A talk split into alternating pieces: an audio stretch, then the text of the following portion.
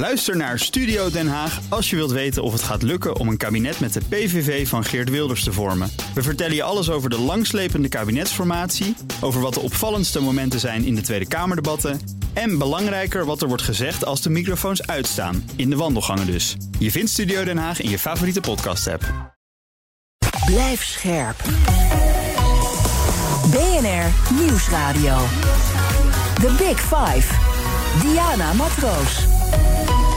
De onvrede over de coronamaatregelen kan leiden tot geweld. En het is soms zelfs een voedingsbodem voor extremisme.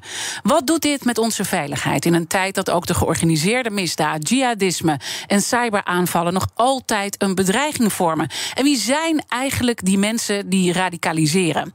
Na een onvoorspelbaar jaar maak ik in BNR's Big Five van de nationale veiligheid de balans op. Hoe veilig zijn we in dit land?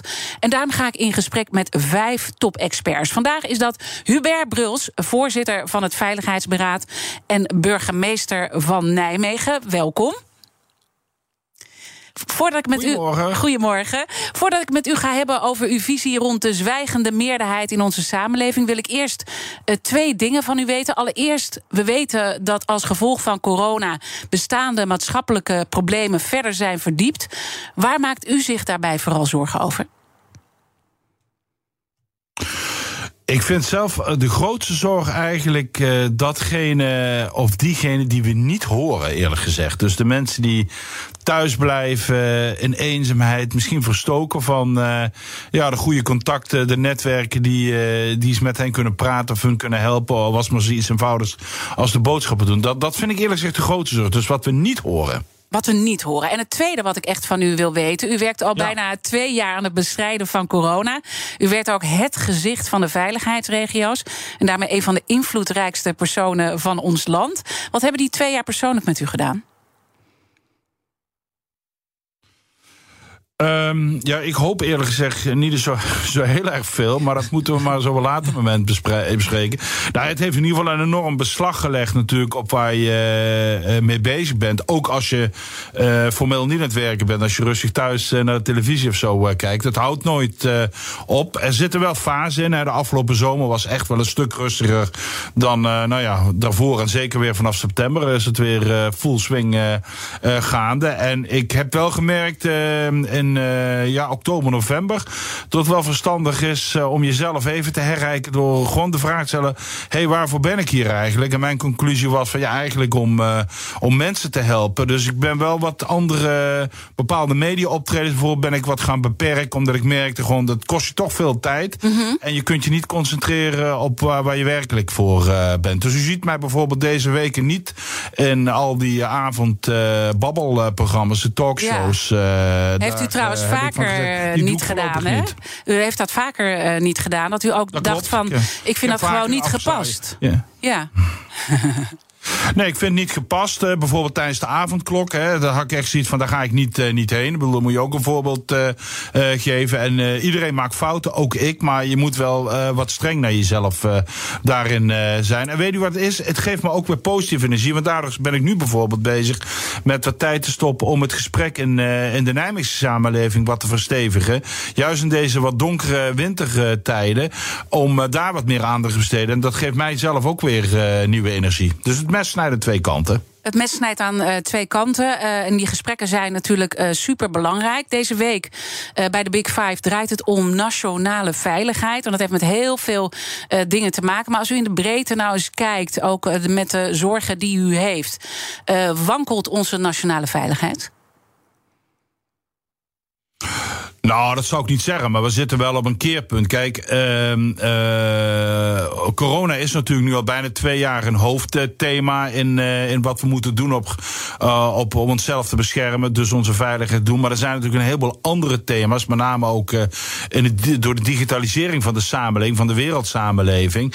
de wereld die ook dichter tegen elkaar aan is gekropen. Hè, dat is denk ik echt fundamenteel anders dan pak een beet 30 of 40 jaar geleden. Hè. Er kan iets gebeuren in, nou noem een land. Chili of, of Vietnam. En dat kan binnen no time kan dat overslaan naar West-Europa en dus ook ons land. En omgekeerd. dat, dat geeft wel hele nieuwe uitdagingen waar we ons niet op de traditionele manier tegen kunnen beschermen. Hè, door nationaal een goed geoutilleerd apparaat met politie, met defensie, veiligheidsmensen te hebben. je moet die rechte samenwerking opzoeken en ook op andere manieren je beschermen. Digitale bescherming is echt iets anders dan fysiek je deur afgrendelen. Heel boeiend uh, thema, wat ik zeker ook met, het, uh, met u in het tweede deel van ons gesprek uh, wil bespreken. Want het kwam ook bij alle andere sprekers deze week terug. Dat we eigenlijk een beetje in de mist varen op deze punten.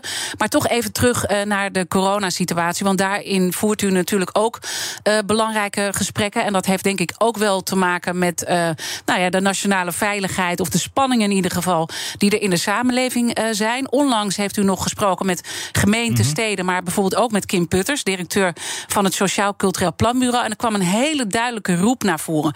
Kom met dat lange termijn perspectief op het coronabeleid. Dat was een brief richting het uh, kabinet. Ja. Uh, uh, waarom was die roep zo sterk dat jullie dachten: dit moeten we echt hard met elkaar richting het demissionair kabinet duidelijk maken? Ja, we hebben ons zelfs meer specifiek op premier Rutte gericht. Vanuit de aanname dat hij ook onze nieuwe premier zal, uh, zal zijn. En met groot respect voor het demissionaire kabinet. Want die hebben echt uh, giga veel werk geleverd. Een hele moeilijke, en wat u zelf zegt, uh, mistige omstandigheden, onduidelijke omstandigheden. Maar wij merken wel, het, het ging steeds meer over de korte termijn. Hè. Welke maatregelen moeten we dinsdag aankondigen? En dan twee, drie weken verder kijken, wat gaan we dan doen? En de, wat wij constateren, wat we in die brief, omschrijven, van er is een zekere ja, somberheid, mismoedigheid in de samenleving gekomen. Het zal ongetwijfeld ook samenhangen met, met de herfst en, de winter die, uh, die over ons is gekomen.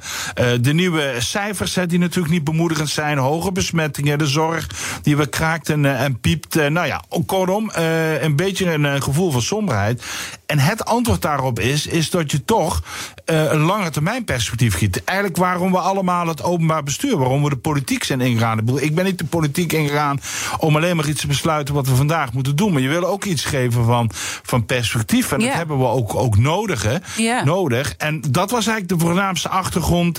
De afgelopen weken ook gevoed door inzichten van een Kim Putters, maar ook anderen hebben gezegd: Nou, we gaan dat, uh, wat moeten we doen? En nou, we hebben in ieder geval gezegd: Nou, laten we dus in ieder geval een appel doen op uh, de premier om dat te gaan organiseren. Om met de samenleving te gaan werken aan die lange termijn. Eh, Want wat staat er uh, op het spel, meneer Bruls? Wat staat er op het spel? U bent natuurlijk ook de burgemeester van Nijmegen. Niet, als je dat niet doet, ja als je dat niet doet, dan uh, loop je het risico, zonder dat ik nou een doemdenker wil zijn, dat die samenleving steeds meer gaat afhaken. Je merkt dat er een groot draagvlak is om maatregelen te nemen richting corona, maar het draagvlak staat wel onder druk. Het vertrouwen in de overheid is ja, toch wel op een historisch dieptepunt, in ieder geval in deze crisis uh, gekomen. Mensen denken, ik las net toevallig nog een verhaal van iemand die zegt, nou, vol overtuiging heb ik die twee prikken genomen, maar die boosterprik, gaat die nou echt helpen? Je merkt gewoon, er ontstaat meer en meer twijfel. En twijfel is een ongelooflijke voedingsbodem voor uh, negativisme. En dat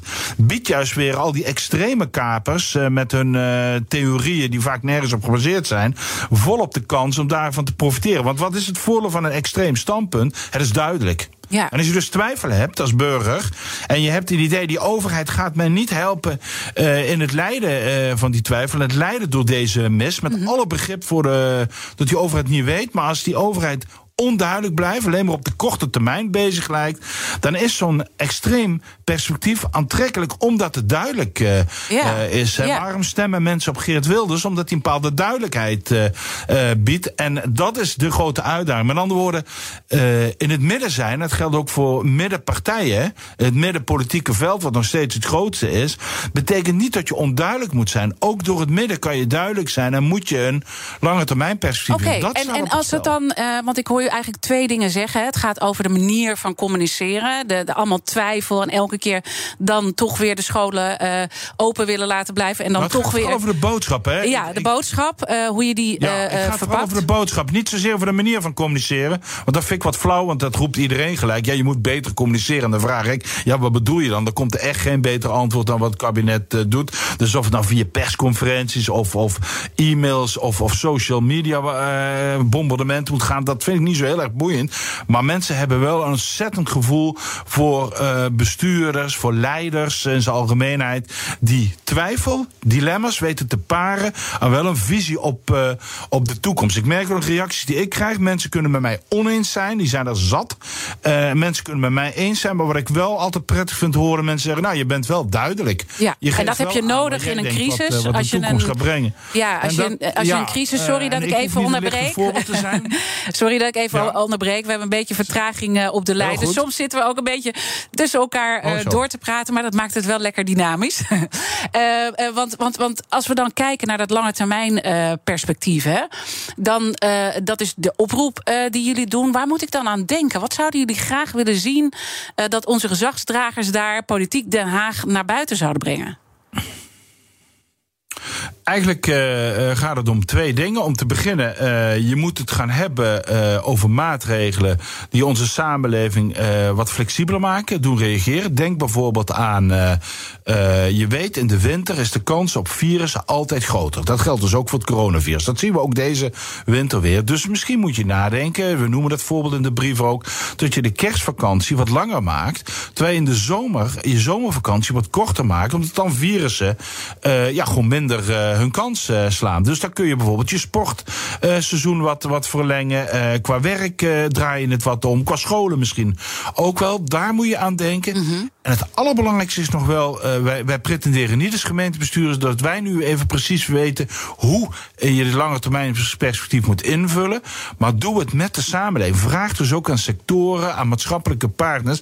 Hoe denken jullie hoe je met corona je werk, je vereniging, je organisatie, je sector kunt runnen, uh, ook op een langere termijn. Ik, ik denk dat heeft twee voordelen. A, die sectoren weten vaak best wel zelf, ook al protesteren ze natuurlijk af en toe ja. tegen beperkingen, hoe ze dat goed kunnen inrichten. En het leidt tot een groot draagvlak. Kijk, als ik, als ik een u vraag, bedenk nu zelf hoe je het thuis moet doen, en er komt iets uit, dan staat u daarachter en steunt u dus eigenlijk gelijk weer het beleid wat ja. we met z'n allen willen. Dus, dus het dat gesprek is gewoon super, van, van je beleid. super belangrijk. Ja. Dus het gaat five. over met de samenleving. Diana Matroos. Mijn gast is Hubert Bruls. Hij is voorzitter van het Veiligheidsberaad en ook de burgemeester van Nijmegen. Uh, die, die brief is dus uitgegaan. Uh, Kim Putters is hier ook heel duidelijk over. Uh, u bent intussen een heel invloedrijke Nederlander en Kim Putters is dat ook, dat weten we. En ook al die gemeenten die hier aan mee hebben geschreven. Het is echt een brede oproep geweest. Als ik dan naar het nieuwe coalitieakkoord ja. kijk, dan zie ik heel weinig over de corona-aanpak op de lange termijn. Hoe teleurgesteld gesteld zijn jullie daarover? Nou ja, er is heel veel te zeggen over dat regeerakkoord, zeker als gemeentebestuurder, want ik vind het een wisselend beeld op. Het viel mij ook op, ja, dat er over corona eigenlijk nauwelijks iets stond. Uh, ik denk dat men de inschatting heeft uh, gemaakt uh, dat er nu, uh, nou ja, zeg het maar, binnen een paar weken een nieuw kabinet is. Ehm, wat zich daar dan ook over moet, moet buigen, tot we het open heeft gelaten. Het, het huidige kabinet heeft natuurlijk niet voor niets allerlei maatregelen, bijvoorbeeld op het gebied van 2G-besluitvorming, corona-toegangsbewijzen in winkels of op het werk ja, doorgeschoven. Je merkt dan alles dat het huidige kabinet uitgeregeerd is. Mm. Um, ja, maar je toch. twee kanten benaderen. Kijk, eh, ik, ik zou het nieuwe kabinet niet willen beoordelen over wat ik nu heb gelezen in het coalitieakkoord. Want er zitten wat mij betreft meerdere open einden uh, in. Het gaat er nu wel op aankomen.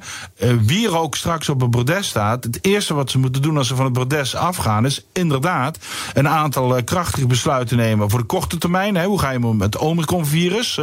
wat doe je na 14 januari met die maatregelen? En inderdaad, als de wielen weer gaat, dat lange termijn perspectief met die samenleving gaan oppakken. Dus ik denk dat het uh, nu, uh, ja, de bal ligt dus wel en daarmee ook de lat behoorlijk hoog voor het nieuwe kabinet. Zeker omdat dat nu niet uitgeschreven is. Nou, en dan wil ik toch even over dat Omicron, hè, want we weten natuurlijk dat OMT later vandaag met een advies komt. En dan, uh, nou, eigenlijk als we horen aan wat er allemaal uitlekt en, en wat er ook al eerder door demissionair premier Rutte en natuurlijk Hugo de Jonge is gezegd hierover, dan zie je toch ook dat die verscherpte maatregelen er weer zitten aan te komen. Uh, de, de vraag is even, wanneer mm-hmm. kan de samenleving dit nog aan? Want dat is dus. He, het lange termijn perspectief is er dus nog steeds niet. We zijn twee jaar verder. En er komen dus weer verscherpingen aan. Ja, dat maakt uh, het niet uh, makkelijker. Aan de andere kant, wat we ook weer de afgelopen weken merken, is dat het draagvlak voor ingrijpen, als het virus weer de kop opsteekt, zoals nu weer is, en met dat Omicron-variant wellicht nog scherper gaat gebeuren, dat draagvlak is juist weer groot en is ook weer groter geworden. Dat is natuurlijk het dubbele aan het geheel. Enerzijds een gevoel van mismoedigheid van waar gaat dit heen, en anderzijds op het moment dat het virus de kop opsteekt, ja, dan zijn grote meerderheden ervoor om strenger in, in te grijpen. Dus ik denk dat voor de korte termijn, dus als volgende week dinsdag er toch weer strenge maatregelen aankomen, dat zou zomaar uh, kunnen, dat daar nog wel het draagvlak voor uh, te vinden is. Alleen, er komt na deze piek ook wel weer een dal. En dan uh, hebben we tot dusver vaak uh, de maatregelen teruggedraaid. zonder dat we dat perspectief erbij geven. van hey, let op, het virus is nog steeds niet weg. En daar, daar ben ik vooral heel erg benauwd voor. Dus we zullen deze korte termijn wel weer doorkomen. Daar heb ik alle vertrouwen in. Maar ik ben vooral benauwd hoe het dan over een paar maanden is. Als mensen het idee hebben van ja, we zijn er weer doorheen. Dus laten we de boel maar weer, de teugels maar weer laten vieren. Terwijl ik nu al kan zeggen, zonder dat ik een deskundige ben, maar wel goed luisteren naar al die virologen dat virus is niet weg. Dus er komen weer nieuwe pieken, er komen weer nieuwe varianten. En daar moeten we ons op voorbereiden. Ja, uh, we zien natuurlijk uh, over de hele linie heen. Afgelopen twee jaar zien we gewoon duidelijk on onrust. Hè. We weten de avondklokrellen in Amsterdam. Uh, Rotterdam zagen we rellen van, vanwege het 2G-plan. Overigens bleef het in Nijmegen best wel rustig toen de avondklok werd ingevoerd. Wat, wat, wat, wat, kunt u als burgervaarder om, om de rust dan toch te bewaren, hoe zwaar het ook is op dit moment? Nou, het, ja, het is goed dat je het noemt. Kijk, want ehm, eh, er is een, een bepaalde onrust, maar er is maar een hele kleine groep die geweld gebruikt. Hè? Mhm. Ook die avondklokrellen. Uiteindelijk zijn het maar een paar duizend mensen in het hele land. op een bevolking van ongeveer 17,5 miljoen. En wat we dus in eerste plaats moeten doen, nou, ook als bezekers, burgemeesters, is niet uh, die rellen groter maken dan wat ze zijn. Het tweede wat je wel moet doen, juist om naar al diegenen die niet rellen, maar wel onrust voelen, is duidelijk maken, is gewoon hard optreden tegen die relzoekers. Dus wat ik ook in Nijmegen doe, we hadden laatst een demonstratie die niet mocht doorgaan. Er was nogal vrees voor uh, nou ja, bepaalde hooligangroepen die zouden komen. Even zoals de Amerikanen dat mooi noemen, showing the force. Laten zien, wij zijn de baas op straat, zodat u rustig uh, uw boodschappen kunt doen, op pad uh, kunt gaan. Allemaal de leuke dingen die u op een zondagmiddag kunt doen. Dus het is en-en. Richt je, uh, maak de rellen zoekers niet te groot, maar anderzijds ook hard optreden, duidelijk optreden, om het in te perken en aan te pakken. En daar waar je relzoekers weer op te pakken. Nou ja, we hebben in Rotterdam gezien, ook gewoon huppakee, mm. op stuk straffen, wat ik heel erg goed vind. Dat geeft rust ja. in de samenleving. Dat merk ik ook. Als de stad een idee heeft dat de politie, eh, de overheid, de burgemeester, eh, als boegbeeld zeg maar, van die lokale overheid, als die de rust bewaren, maar wel streng optreden, ja, dan, uh, dan, dan krijg je 90% van de samenleving ook mee. En die corrigeren dan ook anderen. Hè? Ja, dat, ja, dat, dat is, dat is het mooie. En, en, kan niet iedereen corrigeren. Nee, nee, nee. En wat u ook doet, is nou, u laten zien, hè, u bent dat plein opgegaan toen die rellen dreigden no. rond de avondklok. Hè, dus dat is dan ook die zichtbaarheid die je moet laten zien. Maar wat ik ook uh, lees, is dat u ook heel erg in gesprek gaat met de zwijgende meerderheid. En u noemde het al even aan het begin. Uh, uh, u heeft ook zorgen dat we bepaalde die zwijgende meerderheid niet horen. maar u gaat er ook mee in gesprek. En waarom is dat zo belangrijk? Um, ik heb uh, eigenlijk al, ik ben nu 16 jaar burgemeester en ook daarvoor, ik heb al heel lang een idee van waarom besteden we zoveel aandacht aan de, aan, de, aan de mensen die voortdurend in de media hun mening geven. En dat zijn natuurlijk vaak meningen die heel duidelijk zijn en soms tot de extreme gerekend wordt. Terwijl eh, als ik met mensen praat, omga, en u zal misschien dezelfde aan hebben, hoor je heel veel nuance. Nederland is een heel genuanceerd land eh, mm -hmm. waar mensen ook een mening hebben, maar ook openstaan voor de ander. Of zeggen, ja, ik vind dit, maar, of nee, maar toch tenzij. Hè, zo, zo gaan vaak uh, gesprekken. En de filosoof Bart Brandsma heeft de ogen voor mij geopend. Die heeft mij geholpen door dat niet alleen te benoemen, maar dat, dat herkende ik wel al. Hè. Maar die ook zei: je moet je dus niet richten op die extreme. Je moet niet met die extreme gaan praten en die de aandacht geven, maar juist al die anderen de samenleving, het zwijgende mede, de, de silent majority. U mag het woord uh, kiezen. En dat doe ik nu sinds een eh, paar jaar ook wat bewuster. Door bijvoorbeeld bingoavonden af te lopen. Uh, eens op, uh, op bezoek te gaan bij mensen in hun lief en leed. Mezelf eens uit te nodigen. Her en der. Niet met de grote klok, niet met de media erbij, maar wel te doen. Mm -hmm. En um, dat, dat werkt. Want daardoor, ik heb het de eerste keer toegepast rondom de discussie rondom Zwarte Piet ook in Nijmegen. En uh, u zult moeite moeten doen om een standpunt van, van mij te horen. wat ik nou vind van de, uh, het fenomeen Zwarte Piet. Dat zult u niet vinden, omdat ik eigenlijk sinds jaren de houding heb ingenomen. Iedereen heeft recht op zijn mening. Er zijn mensen tegen de figuur van Zwarte Piet. Er zijn mensen voor. Volgens de wet in, in Nederland mag dat allebei. Hè. Ik bedoel, Zwarte Piet is niet verboden volgens de Nederlandse wetgeving. Dus daar bemoei ik nu mee. Ik richt me erop. Uh, ik wil gewoon dat het een leuk kinderfeest is. Dus als er de Sint binnenkomt en er willen mensen demonstreren, dan zeg ik alleen maar van hou het netjes. Uh, jammer dat we politie nodig hebben voor kinderfeest. En weet u wat dan gebeurt?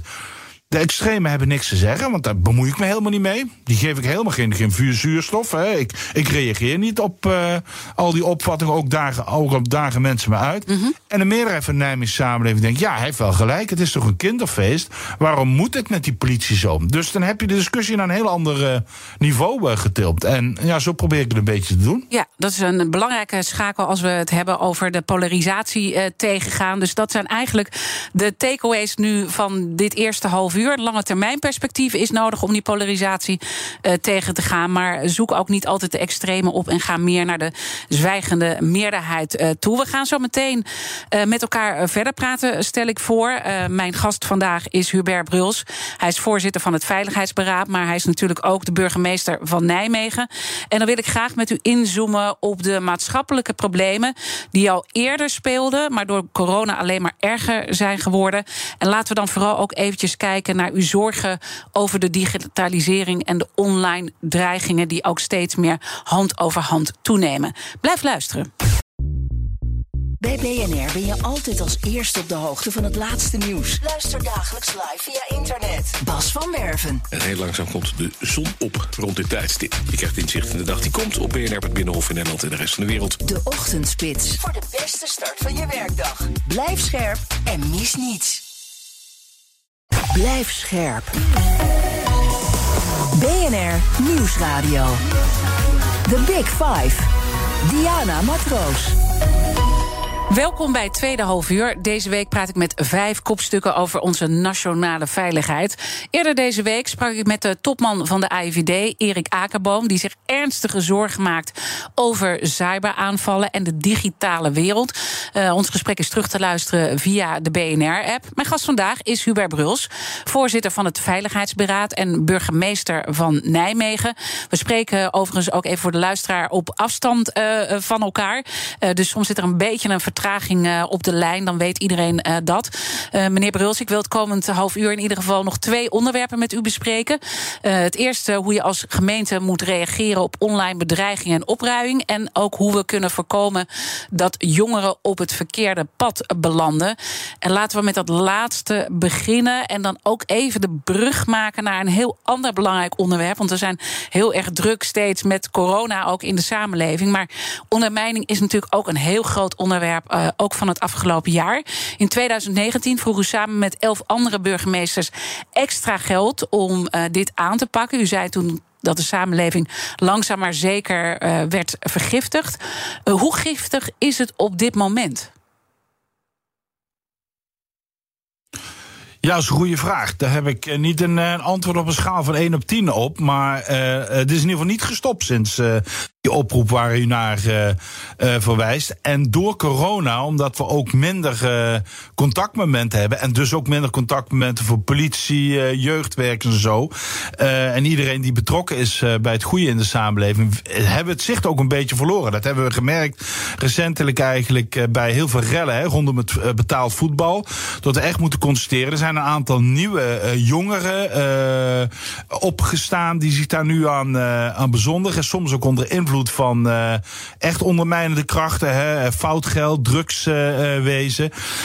het is zeker wel wat, wat erger geworden. Dus het maakt het nog noodzakelijker om daar je goed tegen te weerstellen. Ja, en, en, dan noemt u een belangrijk punt, wat eigenlijk ook de hele week terugkwam. Ook het vermengen van groepen. U zegt dus toch, er zijn nu nieuwe groepen die dus ook eigenlijk um, ja, steun vinden bij bijvoorbeeld de onderwereld, maar uh, misschien ook rechtsextremisme. Al die zaken die bij elkaar komen?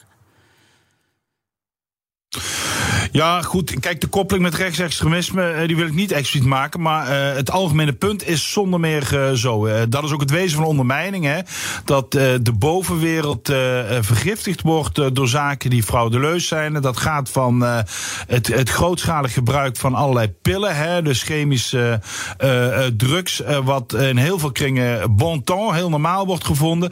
Maar wat ook een ongelooflijke foute branche en mensen met foute bedoelingen in leven houdt en steenrijk maakt. Wat ook weer aantrekkelijk is voor uh, bijvoorbeeld jongeren die uh, nou ja, op een keerpunt in leven staan, die nog een leven voor zich hebben, die twijfels hebben en dan soms kunnen bezwijken voor het makkelijke geld en zelfs bereid zijn om voor enkele duizenden euro's de gevangenis in te gaan omdat ze iemand kunnen neerschieten. Dat soort fenomenen die we in Nederland toch tot een jaar of, nou noem het wat, twintig jaar geleden dachten dat gebeurde alleen maar in de Verenigde Staten in de ghetto's.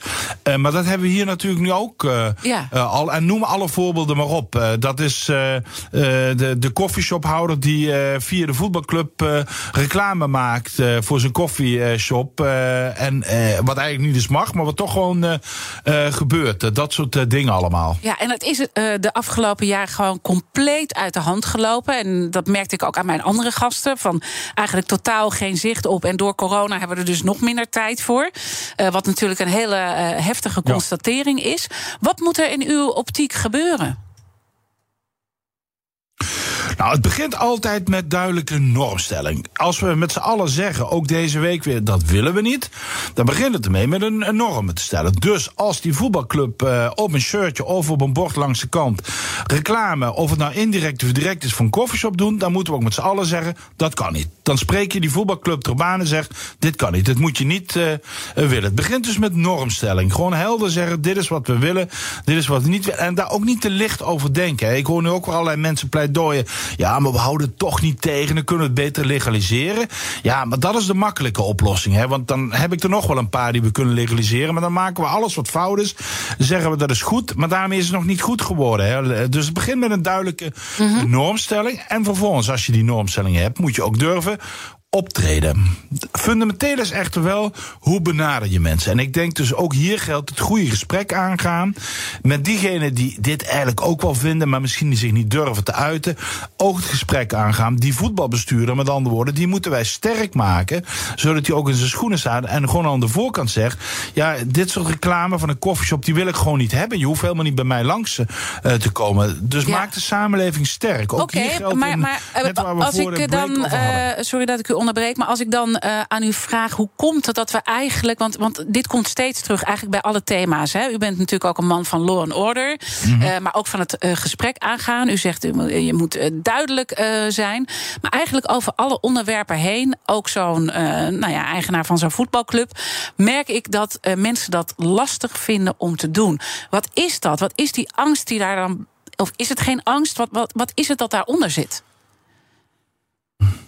Ja, goed, uh, ik ben geen socioloog en nee. ook geen psycholoog. Maar als je kijkt naar lange termijn, uh, als je kijkt naar lange termijn tendensen, de Nederlandse samenleving heeft natuurlijk heel erg in zich een nadruk op individuele ontwikkeling, uh, individuele gelijkheid, mondigheid. Hè. Iedereen mag alles vinden en dat waarderen we ook. En dat heeft ook hele positieve krachten in zich. De negatieve kant daarvan is dat we elkaar onvoldoende durven aan te spreken op eh, de dingen die niet goed gaan, eh, de invloeden waar ontstaan.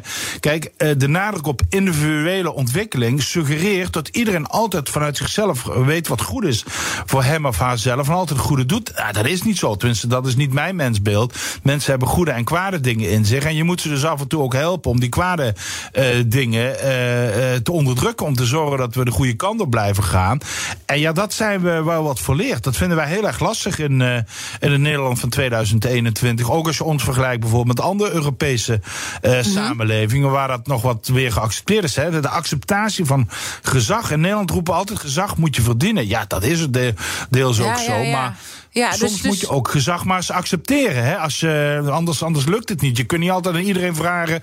Je moet het nu eerst maar eens verdienen. Nee, op het moment dat iemand uh, een functie heeft, een politieagent uh, of, een, of een huisarts, uh, nou noem maar op. Dan moet je ook wel af en toe eens accepteren dat die mensen die functie niet voor niets hebben. Ja, dus het heeft ook met acceptatie van gezag te maken. maar dan moet ook het klimaat veilig zijn dat als dat gezag dan bepaalde dingen benoemt, dat dat ook. Uh, kan. Want, want dat is natuurlijk ook wel de, de situatie. we, we, zien natuurlijk ook als het gaat over ondermijning en de zware criminaliteit in Nederland. Uh, Peter R. de Vries is dit jaar overleden. Terwijl hij het was een man die met gezag natuurlijk wel bepaalde dingen benoemde. Je wordt afgestraft. Ja, en dat, dat is natuurlijk. Ja, precies. En dat is misschien nog wel de meest uh, tragische uiting van uh, dat gebrek aan respect uh, wat we hebben. Ik bedoel, dat iemand vermoorden die notabene zijn leven heeft gewijd aan, aan de goede zaak. En op zijn manier dat heeft proberen te doen. dat is natuurlijk het meest trieste voorbeeld wat we dit jaar hebben meegemaakt. Maar ook zonder de moord op Peter R. de Vries zie je gewoon de samenleving. Ja, we vinden het lastig om elkaar aan te spreken, dingen te accepteren. En wat, uh, waar we mee moeten opletten, is dat daardoor de uitwassen, hè, het, het, uh, het mensen bedreigen, het mensen uh, met geweld gaan bejegen, mensen gaan, gaan vermoorden, niet op grote schaal een soort nieuwe norm kan, gaan, kan worden. Dat is niet wat de meerderheid in de samenleving nee. wil. Maar ook hier geldt die meerderheid in de samenleving moet zich wel gehoord voelen, moet zich sterk voelen. Om bijvoorbeeld te zeggen tegen die 16-jarige jongen die allerlei geweldsvideo's thuis zit doorspelen. Dat die ouders zich uh, en met hun school sterk voelen. Om tegen de jongen zeggen: Dit is niet ja. zoals je het wil. Dit mag niet. Mm -hmm. uh, en dat we dan niet goed gaan praten onder de mond van: Ja, hij is pas 16 jaar en het gaat voorbij. En, hè, en iedereen heeft recht op zijn eigen uh, fouten. ja, ik, ik kan het bijna niet meer horen allemaal. Dat is een. Ja. Dat moeten we zo niet. niet we, we, moeten, we moeten dus allemaal ook. Ja, dus we moeten eigenlijk allemaal ook als individu toch in onze samenleving elkaar meer durven aanspreken op dingen. Uh, ook, ja. ook om te zorgen dat zo'n jongere uiteindelijk niet op dat verkeerde pad terechtkomt. Waar die vervolgens heel moeilijk uh, nog uit kan. Ik heb hier eerder ook over gesproken met de burgemeester van Utrecht, Sharon Dijksma. Over ondermijning, preventie. En nou ja, zij had ook heel erg zoiets. We moeten nou ja, veel meer geld gaan investeren in jongerenwerk. Maar we moeten ook jongeren mooie banen aanbieden. Dus niet een vakkenvuller, maar barista worden in een koffiebar. Wat vindt u van dat soort gedachten? Nou, kijk, uh, het zijn allemaal gedachten die uiteindelijk op hetzelfde neerkomen. dat je perspectief uh, biedt aan mensen, aan jongeren in dit uh, geval. Laat zien dat je een leuk en gelukkig leven kan hebben. waarin ook dingen misgaan. zonder dat je voor het snelle geld van de criminaliteit gaat. Want dat laatste gaat altijd gepaard met gevaar, geweld. en uiteindelijk een miserabel leven. Ehm, en dat, dat klopt. het perspectief op een leuke job kan ook. En nou is het mooie dat we in tijden leven waar de arbeidsmarkt heel krap is. Waarin er ja. heel veel vraag is naar uh, mensen. Gewoon een, uh, een, nette job. Dus we hebben eigenlijk, zou je kunnen zeggen, nog gouden kansen. om naar uh, jeugdigen, maar ook anderen. een, een beter perspectief te bieden. En dus ik ben het daar zeer mee eens dat je dat moet doen. Kijk, het beste veiligheidsbeleid is uiteindelijk een, een preventief beleid. Waarin je zegt dat de randvoorwaarden om een gelukkig leven ja. te hebben verstevigd te worden. Je bent er altijd zelf bij de kansen benutten. Ik, bedoel, ik behoor niet tot de school die zegt... als wij dat samenleving niet goed re regelen... dan kan die individuele jongeren of zo er niks aan doen. Dat is niet waar. Je bent er altijd zelf bij uh, wat je fout of niet fout doet... In je, of niet goed doet in je leven. Uh, maar het is wel en-en. Ja, uh, helder. Investeren. Helder. Ehm, ik ging intussen even uh, mijn collega aankondigen. Want uh, zometeen praat, praat, ik verder met u. Uh, met Hubert Bruls, voorzitter van het Veiligheidsberaad en burgemeester van Nijmegen. Maar eerst naar Nina van den Dungen. Ik ga er helemaal van stotteren. Nou, hoeft niet hoor. Nee. fijn dat je er weer bent. Fijn dat je er weer bent. Want Dank. ik heb je even, even niet gezien. Nee, precies. wat ga je doen zometeen? Nou, we gaan het toch wel hebben over um, de komst van dat Meta Data Center in Zeewolde. De raad, de gemeenteraad van Zeewolde, ging daar gisteravond over debatteren. Er waren demonstraties voor de deur van allemaal tegenstanders. Er waren dertien insprekers die allemaal tegen zijn. En uiteindelijk stemde de raad toch voor de komst. Met elf voor en acht tegen. Dus het was ook best wel nipt. Nou ja, uiteindelijk zou je zeggen, de raad heeft het uh, belang van Zeewolde natuurlijk voorop staan. Hè? Want uh, ja, daar is, er vallen banen mee te verdienen. Facebook heeft beloofd te investeren in de maatschappij daar in de regio. Dus er staat wat op het spel voor Zeewolde. Aan de andere kant is er een heel groot nationaal belang. Alleen al het stroomnet dat zwaar overbelast is. Dat datacenter gaat evenveel stroom trekken als een half miljoen Nederlandse huishoudens. Ja. Er is nogal een grote nationale impact. En daarom komen wij op het volgende breekijzer. Gemeenten mogen niet langer beslissen over de komst van zoiets groots met nationale impact als zo'n Facebook datacenter. Ik ben heel benieuwd hoe de luisteraar hierover denkt. Die kan om 11 uur gaan bellen naar 020 468 4 keer 0 Ben je het er mee eens of niet? Ik hoor je heel graag om 11 uur in BNR Breekt. Dankjewel. BNR Nieuwsradio. The Big Five. Diana Matroos. Je luistert naar BNR's Big Five van de Nationale Veiligheid. Eerder deze week sprak ik met Theo Hofstee, topman van het OM. En dat gesprek ging uh, ook over ondermijning, waar ik net ook met Hubert Bruls over sprak. En het feit dat hij dat zelf heeft onderschat. Uh, het is terug te luisteren via bnr.nl. Mijn gast vandaag is Hubert Bruls.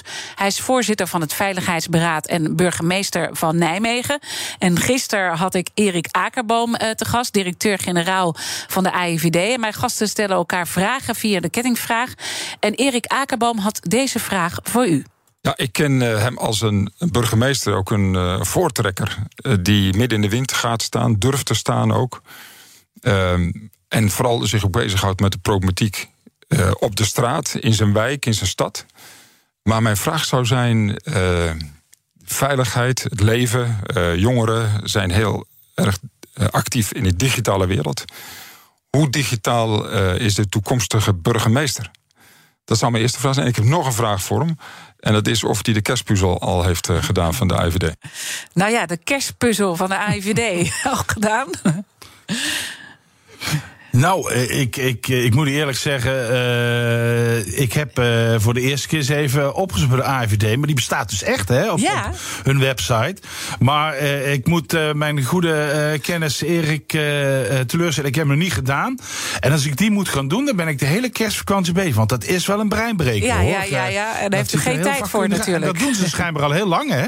Ja, dat klopt. Nou dat ja, klopt. de kerstvakantie komt eraan. Dus wie zal het... Ik ben niet zo'n puzzelaar, maar dit is wel echt op niveau. Ik kan het iemand die echt van stevige breinbrekers had, die kan ik hem zeker aanraden. Dus wie weet, uh, ja, ga ik uh, nog wel doen. En ja. hoe digitaal bent u uh, als toekomstige burgemeester? Want ja, daar zit trouwens, u moet het denk ik nu ook al zijn, maar hij zegt zelf toekomstige burgemeester. Ja.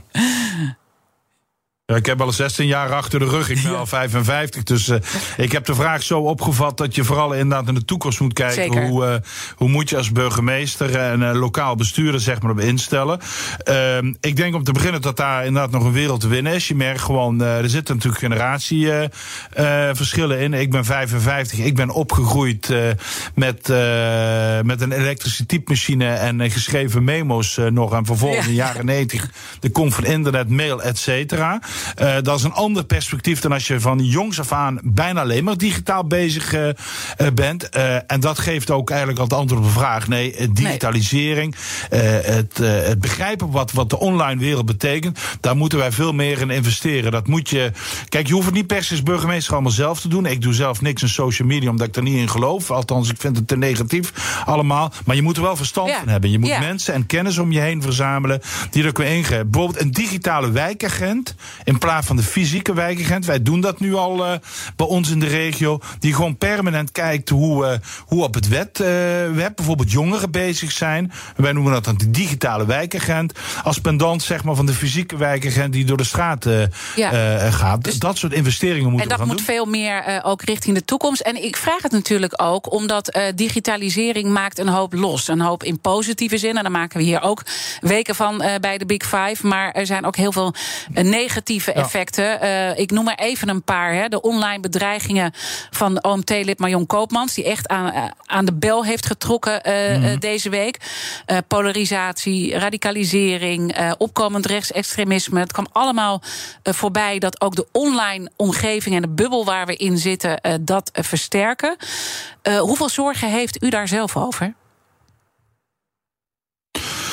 Ja, die heb ik, eh, die heb ik eh, wel. Waarbij ik die bedreiging eh, een categorie op zich vind. Hè, want dat is eigenlijk online maakt het makkelijker om bedreiging te doen. Maar die waren natuurlijk 30 jaar geleden ook al. Alleen het wordt daardoor nu veel sneller komt het terecht. Je moet wel teruggaan naar de oorsprong. Hè. In de jaren 90 hebben wij het internet als een soort wild west laten gebeuren. In de hoogtijdagen van het liberaal open denken. Iedereen vrijheid, blijheid. Alleen de prachtige dingen.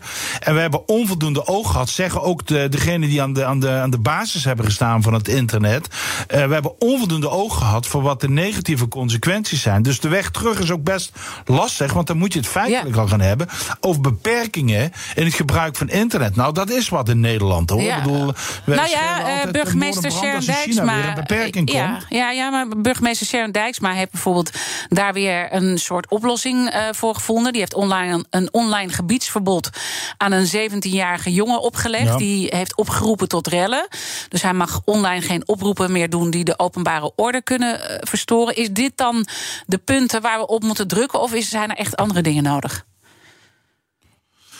Nee, dat, dat, ik vind dat een hele interessante en goede, goede stap. Ik heb ook uh, laten opvragen uh, van hoe ze dat nou precies doen in Utrecht. Het is eigenlijk iets wat ik nou zei, dat voorbeeld van die digitale wijkagent, dat is prima. Maar het zijn reactieve reacties. Hè. Je reageert op iets. Waar ik op wijs is dat er natuurlijk aan de voorkant, hoe wij internet hebben ingericht en dingen laten gebeuren, het gebrek aan drempels wat we hebben ingebouwd, daar moet je het ook over hebben. Je moet ook een samenleving, met andere woorden, weerbaarder maken. Hoe je het internet gebruikt. Ja, dat is natuurlijk een veel fundamenteler uh, debat uh, dan alleen maar reageren op de misstanden die we nu zien. Want dat is niet veel anders dan iemand breekt in bij iemand en je, en je, en die gaat die boef die, die ja oppakken. Maar veel interessanter is om die vergelijking door te trekken. Hoe kunnen we ons huis beter beschermen? Wat doe je met je hang- en slotwerk? En daar moeten we het volgens mij ten fundamentele ook eens hebben over het internet. Vind je het eigenlijk wel normaal dat iedereen altijd maar van alles kan doen en zomaar vrijelijk het internet op kan? En dat is een hele lastige discussie, want ik weet nu al zeker dat half Nederland roept van wat een reactionaire opmerking. Maar eerlijk gezegd vind ik dat wel het fundamentele, vind ik dat wel het fundamentele debat. Ik uh, bedoel, als je uh, de dijken weghaalt, dan kan het water vrij stromen. En dan kunnen wij van alles proberen om dat water okay, weer en, met, en, dan zegt u, we moeten dat veel meer dat. Uh, maar dat is wel dat ja. pompen achteraf, hè? zeker. En, en daar zegt u, daar moeten we het veel meer over hebben. Zouden de internetproviders daar een taak in hebben? hebben? Ik vind het wel. Ik vind dat iedereen heeft een verantwoordelijkheid in de samenleving. Eh, providers, eh, hoe gaan media in alle opzichten. Hè, en niet in de, de, de gebruikelijke massamedia, maar ook juist de social media. Daar horen die providers bij. Uh, tot en met. ik heb in Nijmegen een paar jaar geleden een studie laten maken. Hoe werkt dat nou eigenlijk met criminaliteit naar webaanbieders? Ja. De bol.coms van deze wereld. En wat je ziet is dat zij. Um, eigenlijk rekening houden mee dat de mensen misbruik maken door ze een bestelling plaatsen uh, die ze niet willen betalen. En dat door een bepaalde manier dan toch dat die bestelling kunnen, kunnen krijgen. En ze houden die drempel bewust laag, omdat ze een inschatting maken. Dat zijn er maar een paar en we verdienen genoeg aan al die ja. anderen. Met als gevolg dat uh, die vorm van, van, van diefstal via het internet ja, fors opgekomen uh, is. En daar zou je ook wat meer drempels in moeten bouwen. Dat het niet zo makkelijk wordt om zomaar iets te bestellen, tot daar veel meer controle ja. aan de voorkant betrokken is. Nou ja, dus dat, dat gaat echt van, van klein tot groot. Hè? Want, want het, het grote aspect is natuurlijk de nationale veiligheid, Ja. die we net ook eh, benoemden. Eh, maar dit is als antwoord op eh, de kettingvraag. Maar die vraag gaat natuurlijk door. En u mag een vraag stellen aan de volgende gast. We hebben volgende week een nieuwe week, de Big Five over inflatie. En mijn collega Paul van Liemt, die presenteert die week. En zijn eerste gast die week is econoom Edin Muracic. Eh, wat zou u aan hem eh, willen vragen? En eh, overigens, u bent zelf ook geschoold in de economie. Dus dat is mooi. Ja, om het heel zoveel te zeggen. Ik heb eh, politicologie en economie in Nijmegen gedaan. Eh, me- meer op de arbeidsverhouding, maar eh, wel veel, ja, daardoor wel, wel het nodige geleerd over economie en inflatie. En het bijzondere is natuurlijk dat we heel veel jaren met hele lage inflatie hebben gehad. Waardoor het voor sommigen weer even schrikken was. En voor sommigen misschien zelfs de eerste keer. Mijn vraag zou ook tegen die, tegen die achtergrond zijn. Hoe zou je de huidige inflatie, forse inflatie, inflatie historisch moeten duiden? Kun je het ergens mee, mee vergelijken eh, met eerdere perioden in onze geschiedenis? Mooie vraag, dat gaat hij eh, zeker stellen. Mijn slotvraag aan u zou zijn: eh, u heeft heel duidelijk aangegeven dat u vindt dat er veel duidelijker beleid gevoerd moet worden, met de lange termijn ook in ogenschouw. Dat het gezag meer respect ook verdient. Zou u zelf als minister niet heel graag zelf aan die knoppen willen zitten om eh, dit ook eh, te versnellen? Ik hoor daar wisselende berichten over dat u liever bij het lokaal houdt, maar ook wel dat u toch ook wel eh, uw handen jeuken om daar op die plek te zitten.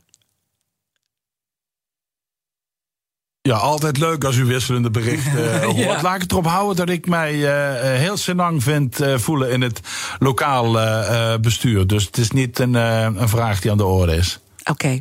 Ik wilde u heel erg eh, danken. En u blijft natuurlijk eh, als eh, voorzitter van die veiligheidsregio's u ook hard maken. En jullie willen ook structurelere inbedding, heb ik begrepen. Het was een onderwerp waar we niet meer aan toe kwamen, maar dat is hierbij wel dan benoemd.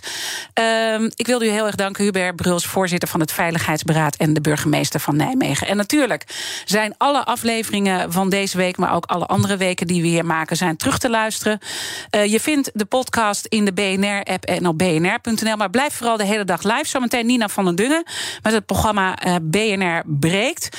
Eh, ik ga eventjes twee weekjes eh, tussenuit. Maar in de eerste week van januari ben ik heel graag weer terug. Want het is echt het mooiste programma om te maken. Ik wens iedereen hele mooie, misschien een beetje vroeg, maar ik kan het nu zeggen. Hele mooie dagen en een heel mooi nieuw jaar. En dat het maar zakelijk iedereen heel goed mag vergaan in 2022. En vooral natuurlijk ook privé. Tot volgend jaar. Ook Bas van Werven vind je in de BNR-app. Ja, je kunt live naar mij en Iwan luisteren tijdens de ochtendspits. Je krijgt een melding van Breaking News. En niet alleen onze podcast Ochtendnieuws, maar alle BNR-podcasts vind je in de app. Download nu de gratis BNR-app en blijf scherp.